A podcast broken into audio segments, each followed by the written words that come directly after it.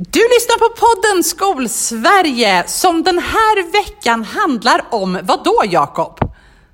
Jo, det handlar om eh, professionella sätt att förhålla sig till didaktiska verktyg och hur de utvecklas och professionella sätt att förhålla sig eller inte förhålla sig till eh, dumma sätt att spara på skolan, bland annat. Och vad mer Karin? Ja, vi pratar också om vad man kan lära sig av kollegor som är annorlunda än en själv eh, och att man ska tillåta sig att imponeras av sina kollegor. Eh, och så pratar... Ja, det var bra att du påminner mig om det, för det ska jag verkligen göra. Ja, och en hel del annat. Så mycket lyssning. Ja, mycket lyssning på det. Det här är Skolsverige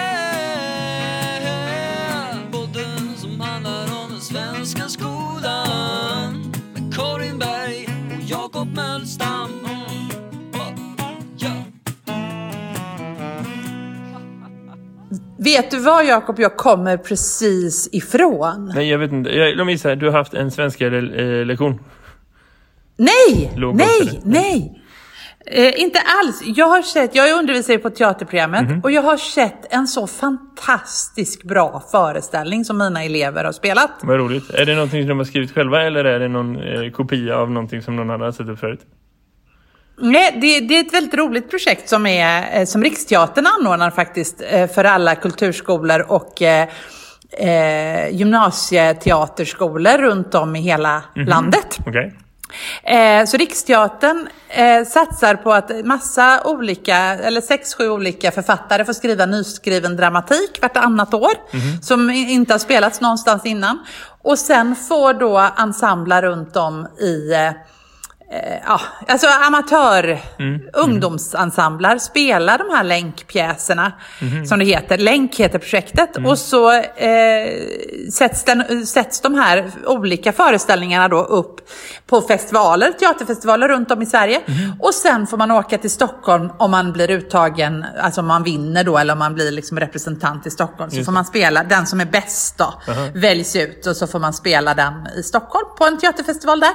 Eh, så det är en, ja, en väldigt, väldigt rolig Men hur funkar idé. det? Är det som- någon av från eh, med arrangörerna då som är med och kollar på alla produktioner eller hur vet man vem som är bäst? Liksom? Ja, det är så. Alltså man, man åker ju då, mina elever kommer att åka till Kalmar för att vara med i teaterfestivalen där. Mhm. Och, och då kommer det att spelas, du vet, fyra stycken av den här pjäsen jag såg idag. Mhm. Och eh, fyra stycken av den pjäsen som, ja. Så att alla spelar ju, men en teaterpjäs kan ju verkligen sättas upp på så många olika sätt. Ja. Eh, och mina elever, de, den föreställning jag såg här nu, jag beundrar verkligen den läraren som de har. Han heter Henrik Lund. Han är alltså så fant... Alltså det...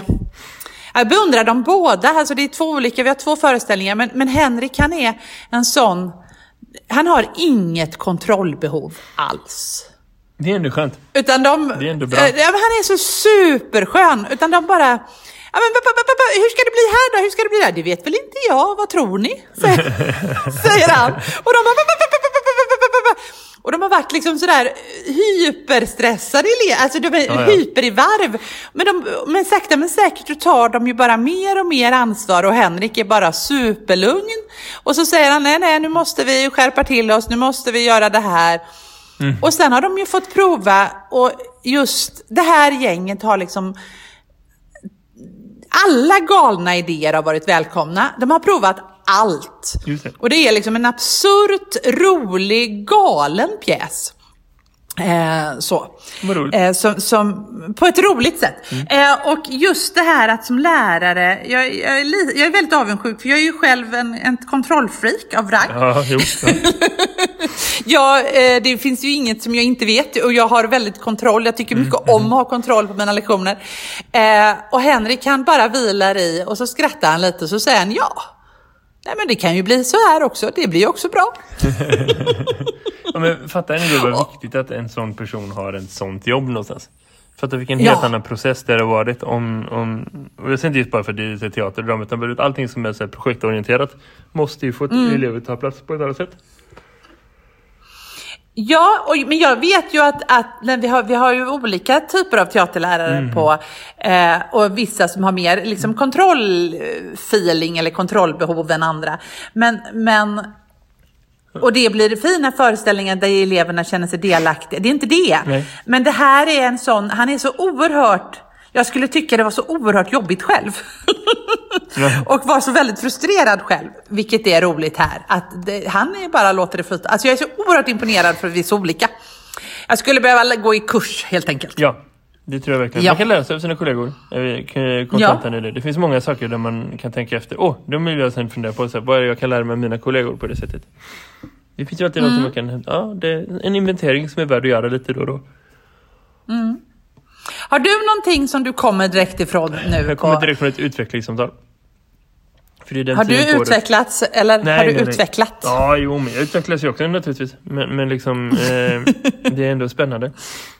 Ja, alltså Mm. utvecklingssamtal är utvecklingssamtal. Jag gillar det. För jag tycker det är kul att sätta ner och prata med elever. Och jag tycker Mm. det är intressant att få träffa deras föräldrar och liksom få ett ansikte på dem och så. Eh, och det där är Mm. väldigt olika från kultur till kultur och från, från ålder till ålder och så. Nu jobbar jag med äldre elever än vad jag har gjort kanske senast i alla fall.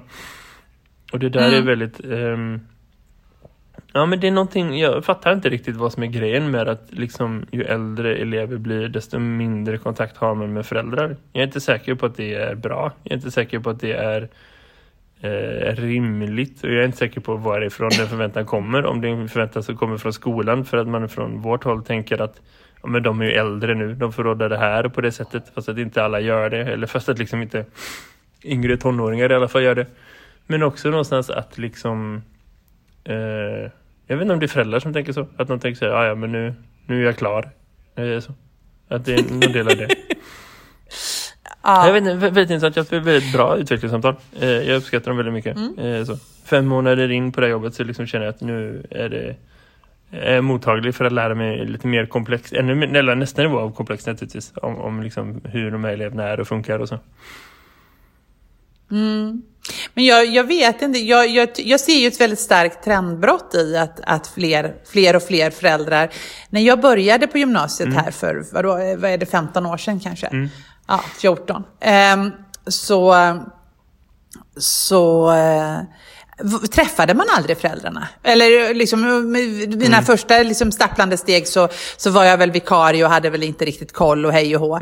Men, men föräldrarna var ju ingenting man, alltså du vet när man, man fick hälsa på dem när de tog studenten liksom. Det, är min, det är mitt minne av hela föräldrar. Man hade utvecklingssamtal med eleven och man pratade med eleven och man jobbade med eleven. Och sen har ju det där sakta men säkert bara byggts på. Och numera är det ju inte ovanligt att både mamma och pappa kommer på utvecklingssamtalet på våren när de ska ta studenten två månader senare och allt är fantastiskt. Så det enda man säger är att ja, det kommer att gå bra och det kommer att bli en rolig student. Och det är det man pratar om. På något sätt så gör man det mer för att man ska berömma föräldern att de har varit duktig med sitt barn än vad man gör. Att det finns liksom ingen, alltså, jag, ibland undrar jag vad jag håller på med på den där.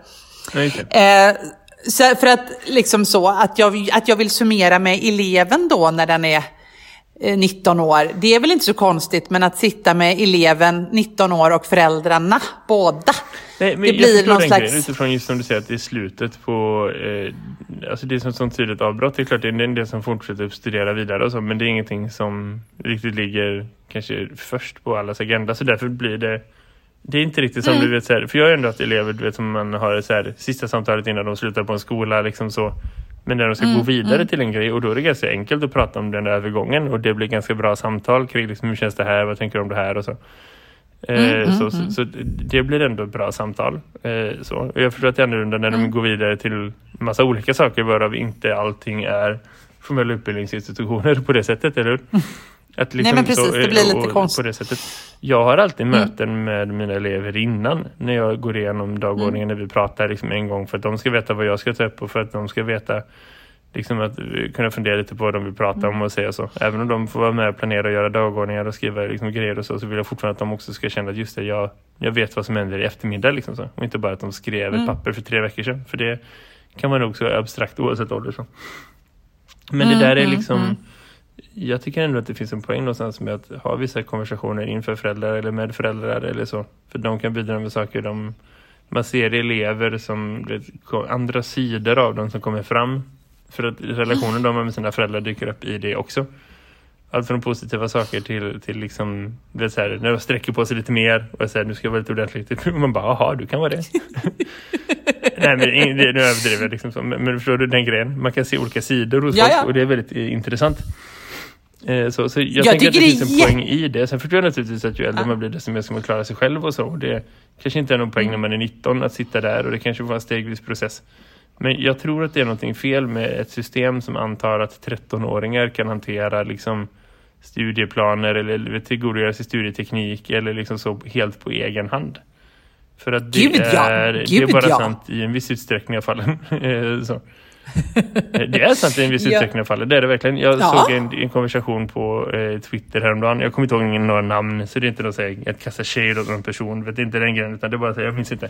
Men det var ganska tydligt exempel för det var någon som eh, delade en observation efter att ha haft sin första lektion. Jag tolkar att det var någon som är ny i yrket typ.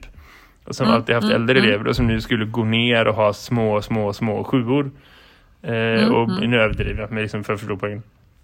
Och, och, och liksom var så här, "Uff, jag fick ta ihjäl mig flera timmar efteråt. Det var kaos. Jag förstår inte vem som står ut med de här människorna. Eh, det där är ju liksom ett kardinalfel inom vår profession. Att här, bara för att de är yngre än de man är van vid och att vissa tekniker inte funkar för att de här är yngre än de man är van vid så kan man inte utgå från att någon är liten. För att det är inte så de identifierar sig själv. Det är inte så man kan möta en person om man vill möta någon framgångsrikt. Så.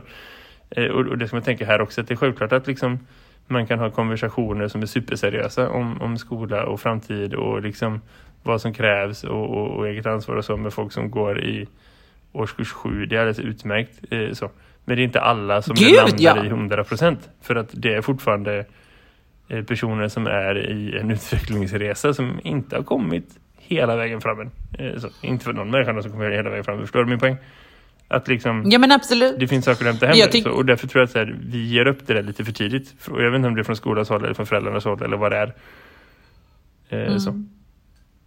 Nej, men jag tror också att man räknar med att vi, jag, jag vet inte om det har med den nya skolan att göra eller vad det är, men vi räknar liksom det här med att det är någon annan som ska, det här med studieteknik, att det är ju, det ingår ju liksom i all undervisning på något sätt, att man ska lära ut det, att man ska liksom, hur gör jag för att jag ska lära mig det här? Och det förutsätter man att eleven bara kan på något sätt. Att det, istället för att vi undervisar om det eller att man har någon studiedag, en hel dag, att nu har vi talat om hur man referatmarker, nu, eller hur man stryker under, vad man ska stryka under. Och nu har man, istället för att eh, jobba med det hela tiden. Det är ju liksom en, en, en grund, alltså det är ju en grundläggande Mm.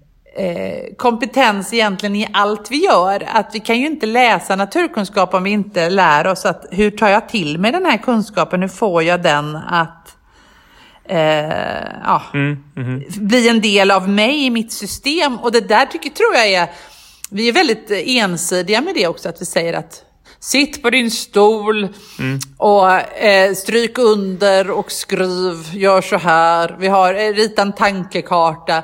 Jag lär mig absolut bäst om jag går och pratar med mig själv. Ja, men jag, jag tänker vissa saker när jag inte Ja. liksom eh, sitter ner och jobbar. Eh, jag kan komma på en plan. Liksom så. Om jag behöver Ja. liksom veckoplanera min undervisning, så bara säga i detalj, vad gör jag när? Jag vet ungefär vad jag vill få gjort, men liksom exakt hur ska jag göra det här? Vad ska jag göra imorgon? Vad ska jag göra där? Det kommer jag på när jag sitter i bilen på vägen hem. Det kommer jag på när jag är på gymmet precis i början på ett träningspass. Så I slutet gör jag inte det, men i början. Eh, det, men det kan vara liksom, när man är ute och går, man gör andra saker. Så. Man går till Ica bara för att köpa lite mjölk eller vad som helst. Då kan jag komma på fyra, fem lektioner. Liksom. Så var bra, nu är det klart. Så absolut, man har olika delar av sin process. Och det behöver man vara vaken för. För att ska man hålla på med liksom formellt lärande så behöver man förstå alla delar av det. Eh, Och tänka att det är en, en, ett verktyg som man också behöver få tillgodogöra sig. Så, så jag köper det rakt, Ja. ut, att, eller rakt av att det där är liksom en, mer komplicerad process än vad vi kanske ger eh, sken för. Eh, så. Ja men, ja, men jag kan tycka när man möter elever så säger de, jag läst den här texten sju gånger och jag förstår den inte alls. Nej. Och så har man, ne- nej, men då, då är det, det ska räcka med att du läser den en gång säger jag.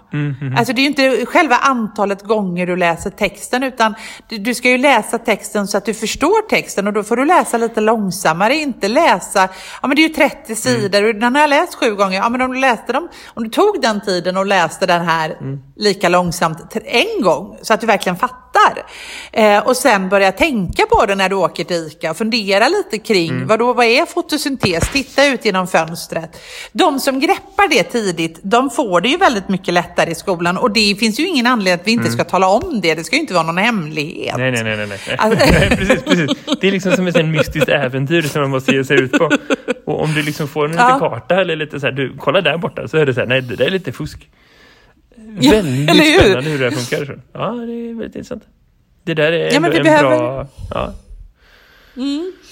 Jo, men det, det, och det, en sak som jag, eh, en liten sak som jag har funderat på den här veckan som tangerar det lite grann, eller det är liksom en sidospår men som vi också liksom lite, eh, det här med att ha två, två saker i huvudet samtidigt, att, att eh, om jag liksom lär ut till exempel Frankenstein, eh, om vi ska läsa den eller jag vill lära mig ut den här och, och kring, så måste jag också tänka att vi måste resonera kring det. Jag måste få jobba med flera det. sinnen. Jag måste, jag måste få eleverna att prata med varandra om det. Att de, ja, men nu Ja, kan ja. inte gå hem och titta på vad har ni i liksom, artificiell, liksom, eh, Ja. AI, artificiell, vad heter det? Artificiell Teknik, intelligens.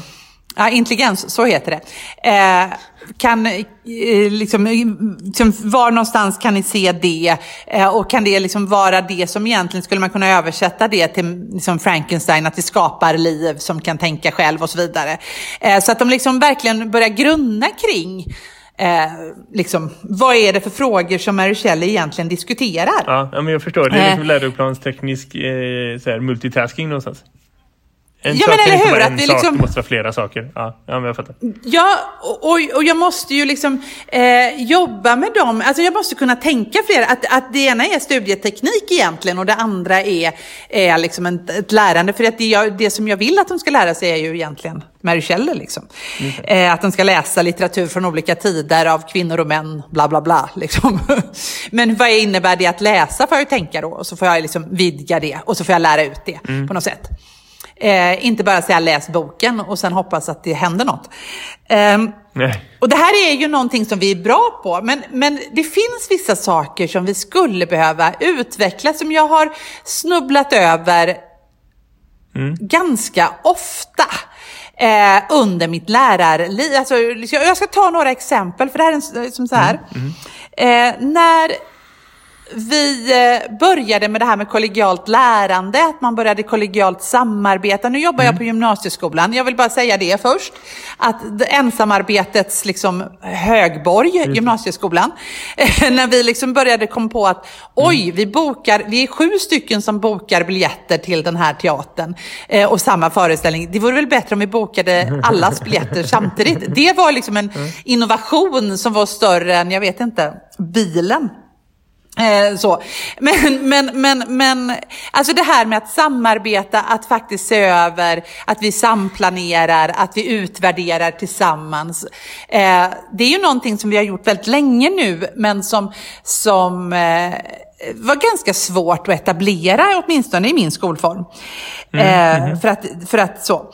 Och då, vi var så väldigt nöjda för då kunde vi ju också lägga vi kunde undervisningen blev ju bättre och eleverna lärde sig mer. Vi fick färre som misslyckades med sina studier. Bra, så.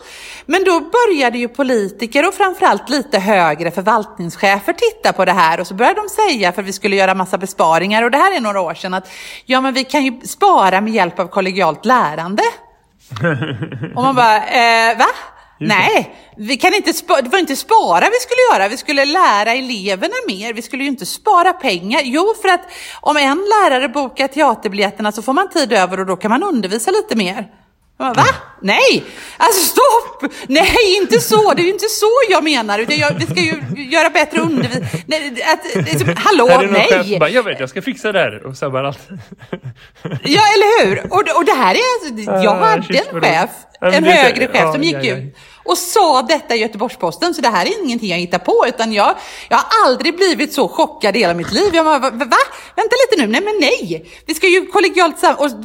Kan du tänka dig då vad som händer på en arbetsplats som läser den här artikeln? Mm. Här har jag stått och förordat vad smidigt det blir om vi bokar teaterbiljetter tillsammans och vad bra det blir om vi kan jobba med samplanering för då Just det, skulle vi just det, just kunna ägna oss åt att... Och så står det här och då så säger de, ska jag visa? Ja, det, det är bara en besparingsmetod fick ju jag då. Och jag, jag har nog aldrig känt mig så sviken, ljugen för, alltså min, min skola, jag har aldrig varit så arg på, på en skol, Ja, alltså de på det. högre. De utnyttjar det stenhårt. Här är en besparing som lärarna säger att vi får göra. För läraren här borta säger att det går bra. Så det är ju det som Ja. är liksom kommunikationen. Det. Det kan, och och det är så här, de människorna som säger att det är bara en besparingsåtgärd, det är ju inte fel utifrån att man läser av bara analysen och liksom det som händer när chefer misshandlar liksom eh, offentlig verksamhet. För att det, det är inte första gången, men det är ett väldigt tydligt exempel på precis den grejen. Och det är klart att som Eller hur? lärare så blir man ju till sist lyttare och tänker så här, hmm, hur försöker de lura mig här nu? Så, inte för att det är du som försöker lura en, men bara, man vet att det kommer någon chef som kommer att sabba det här. För att det är så det funkar någonstans. Eller hur? Och jag, jag var ju ganska liksom, ja, i förhållandet i den här kontexten så var jag väl ganska mycket, jag var ganska ung. Och, och alla bara, du bara, blir bara lurad. Och jag kände mig väldigt lurad av mina förvaltningschefer. För att, Men inte för att jag tycker, men det betyder ju inte att kollegialt lärande är fel. Nej, utan nej. det betyder att, De att alla, för- Ja.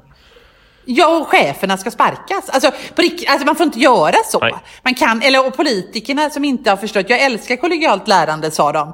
För att det, är spar, det kan vi ju sätta effektiviseringsmodeller för och så vidare och så vidare. Ja. Eh, ja, nå- något så dumt. Men det är ju också, det finns en annan sånt exempel som vi, eh, för att då blir, men då blir det så att jag möter fortfarande lärare som säger att nej, jag tänker inte jobba kollegialt Nej. för att det blir, då utnyttjar kommunen det som en besparingsmetod. Mm. Och det är väl någon sorts Istället för att, som är liksom tjänsteman, första linjen tjänsteman någonstans. Att man vägrar. Då kommer alla sitta och boka sina egna teaterbiljetter för att släpper man någonting på det så kommer det bli eh, sämre. Eller så. ja, och det, och det, men, men, men kan man verkligen, vad händer då med skolan? För då är vi verkligen professionella då, blir ju min Ja, fråga. nej, precis, blir precis. vi, pro- eh, för att eh, jag ska ju ändå fortfarande, jag är ju anställd för och mitt yrkesheder handlar om att jag ska leverera så bra undervisning som möjligt. Här har jag en metod som gör att jag skulle kunna få ägna mig ännu mer åt undervisning och få feedback på min undervisning och kunna göra den ännu bättre. Det är ju inte så att bara för att jag fick en lärarexamen en gång så är jag en briljant lärare, utan det blir man ju genom att man utvecklas. Och man utvecklas väldigt bra tillsammans med andra och får feedback och jobbar ihop och sådär. Eh, Mm, Men, det är så att. Men, men, men jag vill ändå lägga till en annan grej, för det finns en annan aspekt av det här också, nämligen att man kan också se det ur ett fackligt perspektiv. Eh, nummer ett största problemet just nu för lärare är arbetsbelastning. Det är så. Vi är liksom överens om det. Förut var det så här, hälften av alla fackliga företrädare vill ha högre lön, hälften vill ha lägre arbetsbelastning. Det känns som att vi har landat i att här, arbetsbelastningen är nummer ett just nu för att saker och ting förändras. Och om man då tänker utifrån det perspektivet, så här, vi har för mycket att göra, vi liksom lärare går in i väggen, vad är det som händer? Och så presenteras helt rimliga lösningar för att eh, göra saker bättre. Här kan du boka de här, en person bokar för alla sju istället för att alla sju sitter och bokar var för sig. Skulle man då säga nej så är det ju helt omöjligt att fortsätta prata om att vi har för mycket att göra, eller hur? Alltså det, det är klart att inte det behöver vara så här, ja det går alldeles utmärkt att avskeda folk, det är inte det som är grejen. Men liksom, vi kan inte heller hålla fast i praktiker som är ohållbara om vi vill ta oss på allvar när vi går till våra chefer och säger hallå, det här funkar inte. Det här är ohållbart. Eh, Så. Då måste vi ta vår del av det och det handlar om att bland annat gå med på sådana grejer och tänka sig, jo men självklart, det här ska vi göra. För att det här verkar bättre, vi får mer tid till vårt kärnuppdrag. Alltså bara så arbetsbelastningsmässigt så. Så har vi mer tid att göra bättre saker. Eh, Så. Sen om liksom punkt B i den konversationen är bra, nu är det mer tid, nu behöver vi inte ha så mycket resurser. Det är ju inte alls en automatisk självklarhet. Och att liksom ge upp inför den kampen, att säga, bara för att vi går med på A så behöver inte B vara en bra idé. Att man inte kan ta sig till att förklara utan tänka så nej du behöver inte A heller. Det är ju att misslyckas på grund av bitterhet någonstans. Eller hur? Ja, och det, det är ju att också uppträda inte, eh, inte professionellt på något sätt. Det blir liksom något konstigt i det. Eh, som, som, som jag eh, upplever även lite på andra håll. Och det här är, jag menar liksom inte det att jag, jag kan ju också bli sån. Jag kan också Ja, bli motvalls. Nej men kom inte nu med något jävla skit. Jag vill inte... Ah! Eh, och, men, men, och jag har inte tid att testa. Mm. Ska du boka mina teater... Vad ska jag göra då? Eller vad, eh, då får jag inte bestämma exakt vilken sekund jag ska gå och sådär. Mm. Eh, vad stökigt det blir. Och det är jobbigt att förändra sig och jag är med på allt det. Men jag, jag har en annan sån aspekt som finns, som är en väldigt diskussion nu på, på min, i mitt Twitterflöde. Det kanske bara är i mitt Twitterflöde. Men det här med, med stöd. Eh, och eh, liksom, ska vi st- ha stöd? Eh, vi behöver ju särskilt stöd och vi, behöver, eh, vi har extra anpassning. Vi har ju, har ju en särskilt stöd och extra anpassningar har vi ju numera i skolan. Eh, och det skrivs och det dokumenteras och vi sätter in extra anpassningar vilket betyder att det är anpassningar i klassrummet som vi kan göra i Eh, ja, vi börjar lektionen på lika sätt. Vi eh, delar alltid ut eh, både texten och, eller alltså vi delar, man, man, ja, det finns tillgång till digitalt textstöd. Det finns, alltså det finns ju massa olika sådana där saker som, som man kan göra extra anpassningar. Och jag brukar lösa alla de där extra anpassningarna med att jag eh, kollar igenom dem och sen gör jag det för alla. Ja. Liksom. Ja. Eh, det, det är liksom att jag lägger upp det på Classroom. Det är ju ofta Mm. liksom, jag, eh, jag tillåter musik, att lyssna på musik. Jag tillåter vissa. Just det, just olika sådana saker. Eh, är noga med att notiser är avstängda, jobbar mer i Chromex. Alltså det finns ju massa sådana här saker så att de inte blir störda, tappar koncentration och Mm, så. Eh, men så, så är det ju en evig diskussion med det här med inlä alltså lästa och inlä inte inlästa eh, texter. Det, det finns ju eh, Claire, eh, alltså man kan få sin, sin text uppläst med hjälp av eh, eh, olika, vad heter sådana? Textläs... Ja, men så här tjänster, om man skriver en text på datorn så kan man be datorn läsa upp den för en. Talsyntes, jag hörde inte vad du sa. Ja, talsyntes. Och man kan liksom också diktera en text och läsa den sen och se om den blir bra. Och man kan, eh, ja, det finns ju massa olika teknik idag som inte fanns för tio år sedan och som inte fanns för fem år sedan som, som hjälper och stöttar och blir ett stöd.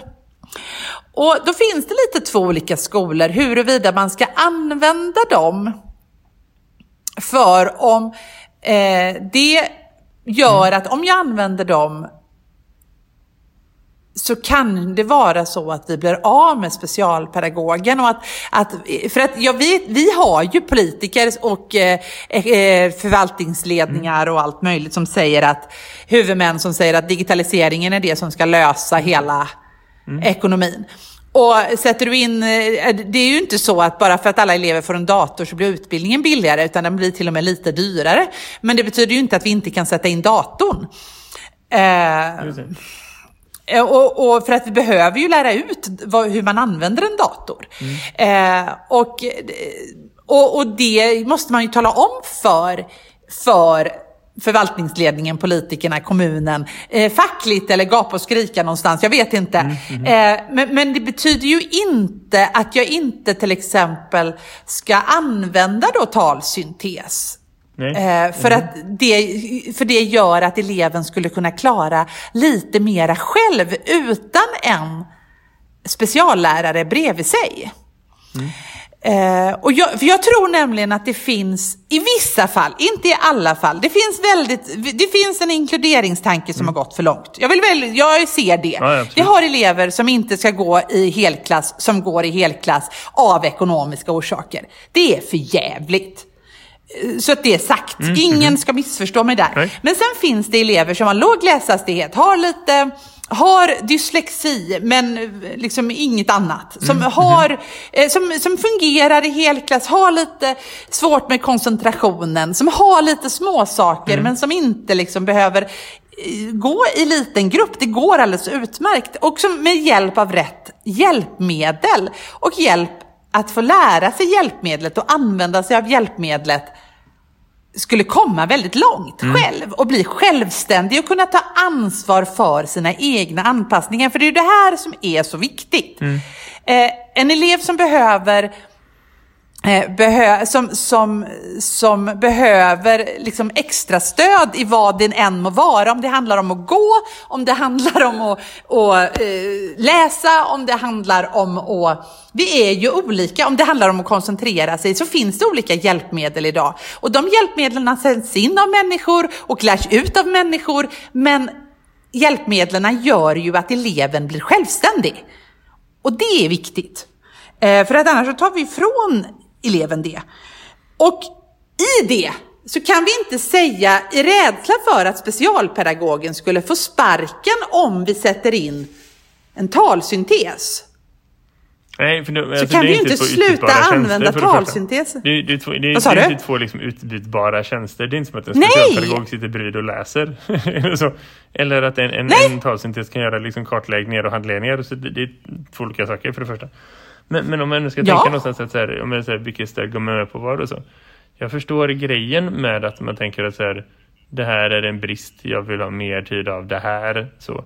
Men, men det är som du säger, det är lite märkligt. Om man tänker så här, hur lojal är du mot din elev om du vet att det finns lösningar som skulle kunna göra livet lättare för dem men som du vägrar använda för att du vill se en annan lösning.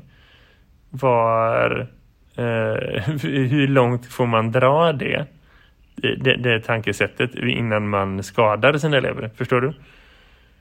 Ja, Eh, Så, så, sen, sen förstår jag ändå poängen och det som jag tror någonstans är den underliggande liksom oron hos lärare, om man ska Mm. ta den platsen någonstans, det, det, det tänker jag är att liksom uppgifter förändras, lärande förändras, vi gidrar med vad elever behöver lära sig. Är du med? Man tänker att det, är här, det är viktigt att man lär sig den här aktiviteten. Eh, Oavsett vilken aktivitet det kan vara. Språkinlärning är väldigt traditionellt på det sättet. Och en del av det är vettigt för att det finns folk som vet väldigt metodiskt exakt hur man gör. Man lär känna bokstäven först, sen lär man sig det här och sen man så här. Det, det funkar. Så, eh, och en del av det kanske är så här ja men det där har vi gjort förut och jag ser ingen annan lösning som hade funkat bättre så jag undrar varför vi ska testa någonting annat. Är du med? Men liksom allting som handlar om att säga, ja men det är viktigt att man läser, det är viktigt att man skriver, det är viktigt att man... mm, Så. Det är ju liksom en, en bild av en traditionell skola som ändå säger det där funkat, det där var bra för mig, jag är en okej person. Eh, Folk, andra människor hade det bra, varför skulle vi inte kunna göra på samma sätt fortfarande? Och så ser man folk som gidrar och experimenterar med det på ett sätt som kanske inte alltid går ut på att man tänker efter före. Är du med? Eh, Och och då känner man generellt så här, nej, vi ska inte ha det här nya, vi ska gå in på det här. Vi vill liksom eh, se att det här funkar först. Eller vi vill hellre se de här lösningarna som vi tror hade varit bättre. Eller så. Det var ju precis den diskussionen man hade när man liksom satte in datorer i klassrum överhuvudtaget. Så. Jag, jag vet flera eh, människor som, som argumenterade för att det hade varit bättre om alla elever fick varsin lärare istället för att de fick varsin dator. Är du med? Eh, så, och det är ett argument som man är nöjd över. Eh, så. Eh, och, och i efterhand kan man tänka att så här, jag har inte hört någon säga så på fem, åtta, tio år. Så. Eh, Och, och, och det kanske är för att liksom samhällen utvecklas och tid utvecklas och man ser att det finns fördelar och poänger med det också. Och att den, den kurvan är annorlunda i olika verksamheter men också i olika liksom, eh, professionella liksom, kulturer. Oavsett om det är i en lärares klassrum om man jobbar mycket själv eller om det är i ett arbetslag eller i en förvaltning eller i ett skolsystem så, så kan ju det ta olika tid. Och det är svårt att hoppa förbi steg någonstans. Om man ändå ska se det från det perspektivet. Men, men, men det, det är helt klart så att man måste skilja på liksom äpplen och päron och tänka vad är vad i det. Och, och jag tror att det kommer tillbaka till någonting du sa förut, med att liksom en sak måste vara flera saker samtidigt. så. Att, att i en uppgift som blir väldigt så här, här ska du läsa de här tre kapitlen i en bok och att då eh, sen sätta dig med papper och penna och skriva den här grejen. Det kommer att bli en uppgift som är designad på ett sätt som kan vara vissa saker men som inte kan vara andra saker. Eh, för att det är inte så liksom, de eleverna vi har nu fungerar jämfört med hur det har varit kanske förut. Är? Jag tror inte att liksom, om, om jag skulle använda den uppgiftsdesignen som bas för alla mina uppgifter i min undervisning, när jag undervisar sig NO exempelvis, eh, så, Då, då hade jag behövt lägga ofantligt mycket mer tid eh, för att få igenom ett lärande som hade varit något annat än det som är nu. Så. Nu kan jag sätta mina elever på att liksom läsa ganska mycket mer stoff. Eh, så. Mina elever i sjuan håller på med artkunskap. De har klämt kanske Eh, sen, om jag säger de senaste nio lektionerna, om jag skulle räkna ut det så, åtta, nio, sju, åtta, nio lektioner. Så de klämt kanske hundra sidor liksom natur, eh, biologibok om artkunskap. Är du med? Om olika grupper och arter och liksom släkten och hur det relaterar med varandra och så. Eh, och en del av det handlar om att de behöver visa att de kan lära sig saker som handlar om konkret fakta. Eh, så. Och en del av det handlar om att de kan göra jämförelser och tänka sig, hmm, vad är det som händer här? Hur kan det vara på det här sättet? Vad är det som gör att det finns liksom störst chans att hitta i oupptäckta djurarter på de allra, allra djupaste haven eller i liksom vissa regnskogar och så. Att kunna fundera på det från olika argument och så. Det är ju liksom en sak som jag vill få ut av det. Hade jag satt dem med varsin bok och sett till allihopa, så nu, nu måste alla läsa här från sidan 1 till sidan 90 och sen ska ni svara på de här frågorna. Så hade det varit en design som hade kunnat vara vissa saker. Det hade kunnat vara en viss sorts läsförståelseträning. Det hade kunnat vara en viss sorts eh, liksom, skrivträning. Det hade kanske inte varit den eh, sortens träning som krävs för att kunna resonera alltid på så himla hög nivå om, om liksom, eh, biologisk utveckling över tid. Eller så. Eh, och, och där får man fundera lite på vad det är man eh, liksom siktar efter eller så. Och, och jag säger inte att språkliga förmågor är onödiga. Men jag bara tänker att liksom designparametrar idag är mycket mer komplicerade för att, eller designprocesser är mycket mer komplicerade idag för man har fler parametrar dit jag vill komma. Man har fler alternativ att välja på och så. Där man kan designa uppgifter som är tillgängliga för vissa och som inte är tillgängliga för andra. Eh, och man kan variera det på ett sätt så att man liksom över tid kan möta fler. Och, men det är också lättare att kunna variera. Vad vad det här slutade med var att mina elever en del satt i böcker och läste för de tycker att det passar bra. En del sitter i böcker och läser samtidigt som de lyssnar på en inläst version. För att jag har tagit mig tid att läsa in de här texterna.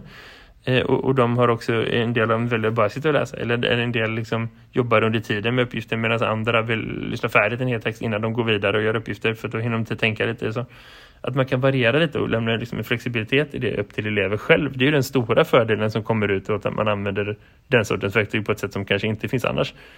Och det eh, det är det är borde prata mer om istället för att prata mer om säg, enskilda verktyg. Vad är grejen med det här? Varför har vi det här? Och så. Istället för att prata om så här, vad innebär det för den didaktiska designen? Det är där någonstans som är liksom det viktiga.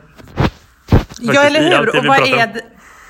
Ja, och det är jätteviktigt och det är en jätte, jätteviktig Mm. fråga. Och jag tänker också, vad är syftet med, eh, med, med det, vi, det vi gör? Jag, jag, jag tror ju också att eh, en, en sån där sak som, som, som vi har här på vår skola, vi har Mm. tagit det beslutet att vi har inläsningstjänst till alla. Mm. Eh, och det, det handlar ju om eh, olika saker. Dels att, att vi tycker att det inte blir så utpekande, dels att det inte kostar så mycket, det var ingen större skillnad. Och, och sen är det ju också att, eh, att det också gynnar eh, läshastighet för de, för de som har låg läshastighet men som inte har något annat problem egentligen. Eh, och, och en annan sak som, som är så här att vi är ju, jag får bestämma vilka som ska ha Legamus på min skola, det är också en inläsningstjänst, eh, som läser in skönlitteratur.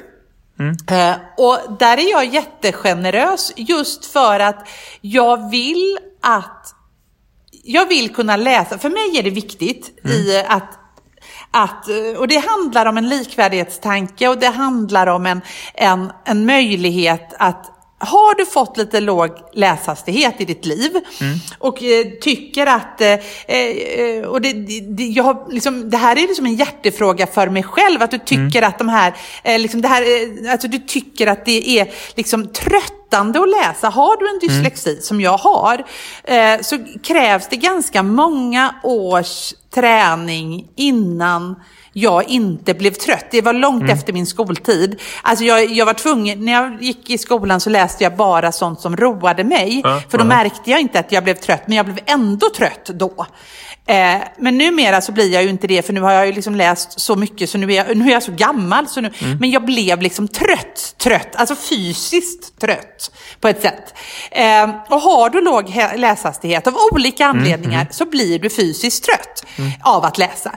Eh, men det betyder ju inte att du inte kan tillgodogöra dig en, en intellektuell berättelse. Om vi ska läsa Frankensteins monster eh, i, eller Frankenstein heter den ju. Om vi ska läsa den i helklass så vore det ju hemskt om jag delar ut den till alla och så sa jag nu läser vi den och så ska den som inte, inte hinner med, som behöver längre tid, ska missa diskussioner, ska få gå till specialpedagogen och prata istället för att prata med klassen och sina klasskamrater. Det finns så många saker i det. För det första. För det andra, om de kan få lyssna och läsa samtidigt så kommer jag, vet jag ju av massor med forskning att då tränar eleven sin läshastighet. För att de får ett stöd i att de läser rätt och de får ett sammanhang på texten för att det går inte så långsamt och då uppmuntras man att läsa. Eh, Och till slut så kommer, det är en väldigt stor skillnad om en elev har läst med ljudstöd. En elev med låg läshastighet har läst med ljudstöd en hel text och sen eller en hel bok till exempel. Och sen så tittar man vad som har hänt med läshastigheten. Det är spännande. Gör det. Kolla upp det. det. det. är liksom ett experiment man kan göra i alla klassrum. För man blir häpen av vilka, och elevernas den stoltheten de känner när de faktiskt lyckas med detta är med en sån lätt åtgärd. Alltså, åh! Nej, så, jag förstår det. så att, ja, och, och, så att jag vill prata mer om det och sen tycker jag faktiskt, och så vill jag skicka med det, att nej, nej politiker, spara pengar gör man inte på didaktiska verktyg. Vi sparar inte pengar på eh, liksom saker som handlar om undervisning. Vi får spara pengar på andra saker. Att vi liksom kopierar dubbelsidigt eller något. Men inte på didaktiska lösningar. Det är inga besparingsmetoder. Det är metoder för att eleverna ska lära sig mer. Just det. Ja, men faktiskt. Det, jag håller helt med dig. Eh, Du, eh, Karin, det är dags att börja runda av. Eh, Det var ett spännande samtal det här också. Eh, så. Toppen! Det tyckte jag. Japp, japp, japp. Kära Ja. lyssnare, tack för att ni var med oss ännu en vecka. Vi hörs igen nästa gång. Ha det gött, hej! Hej då! Det här är Skolsverige Podden som handlar om den svenska skolan Med Karin Berg och Jakob Mölstam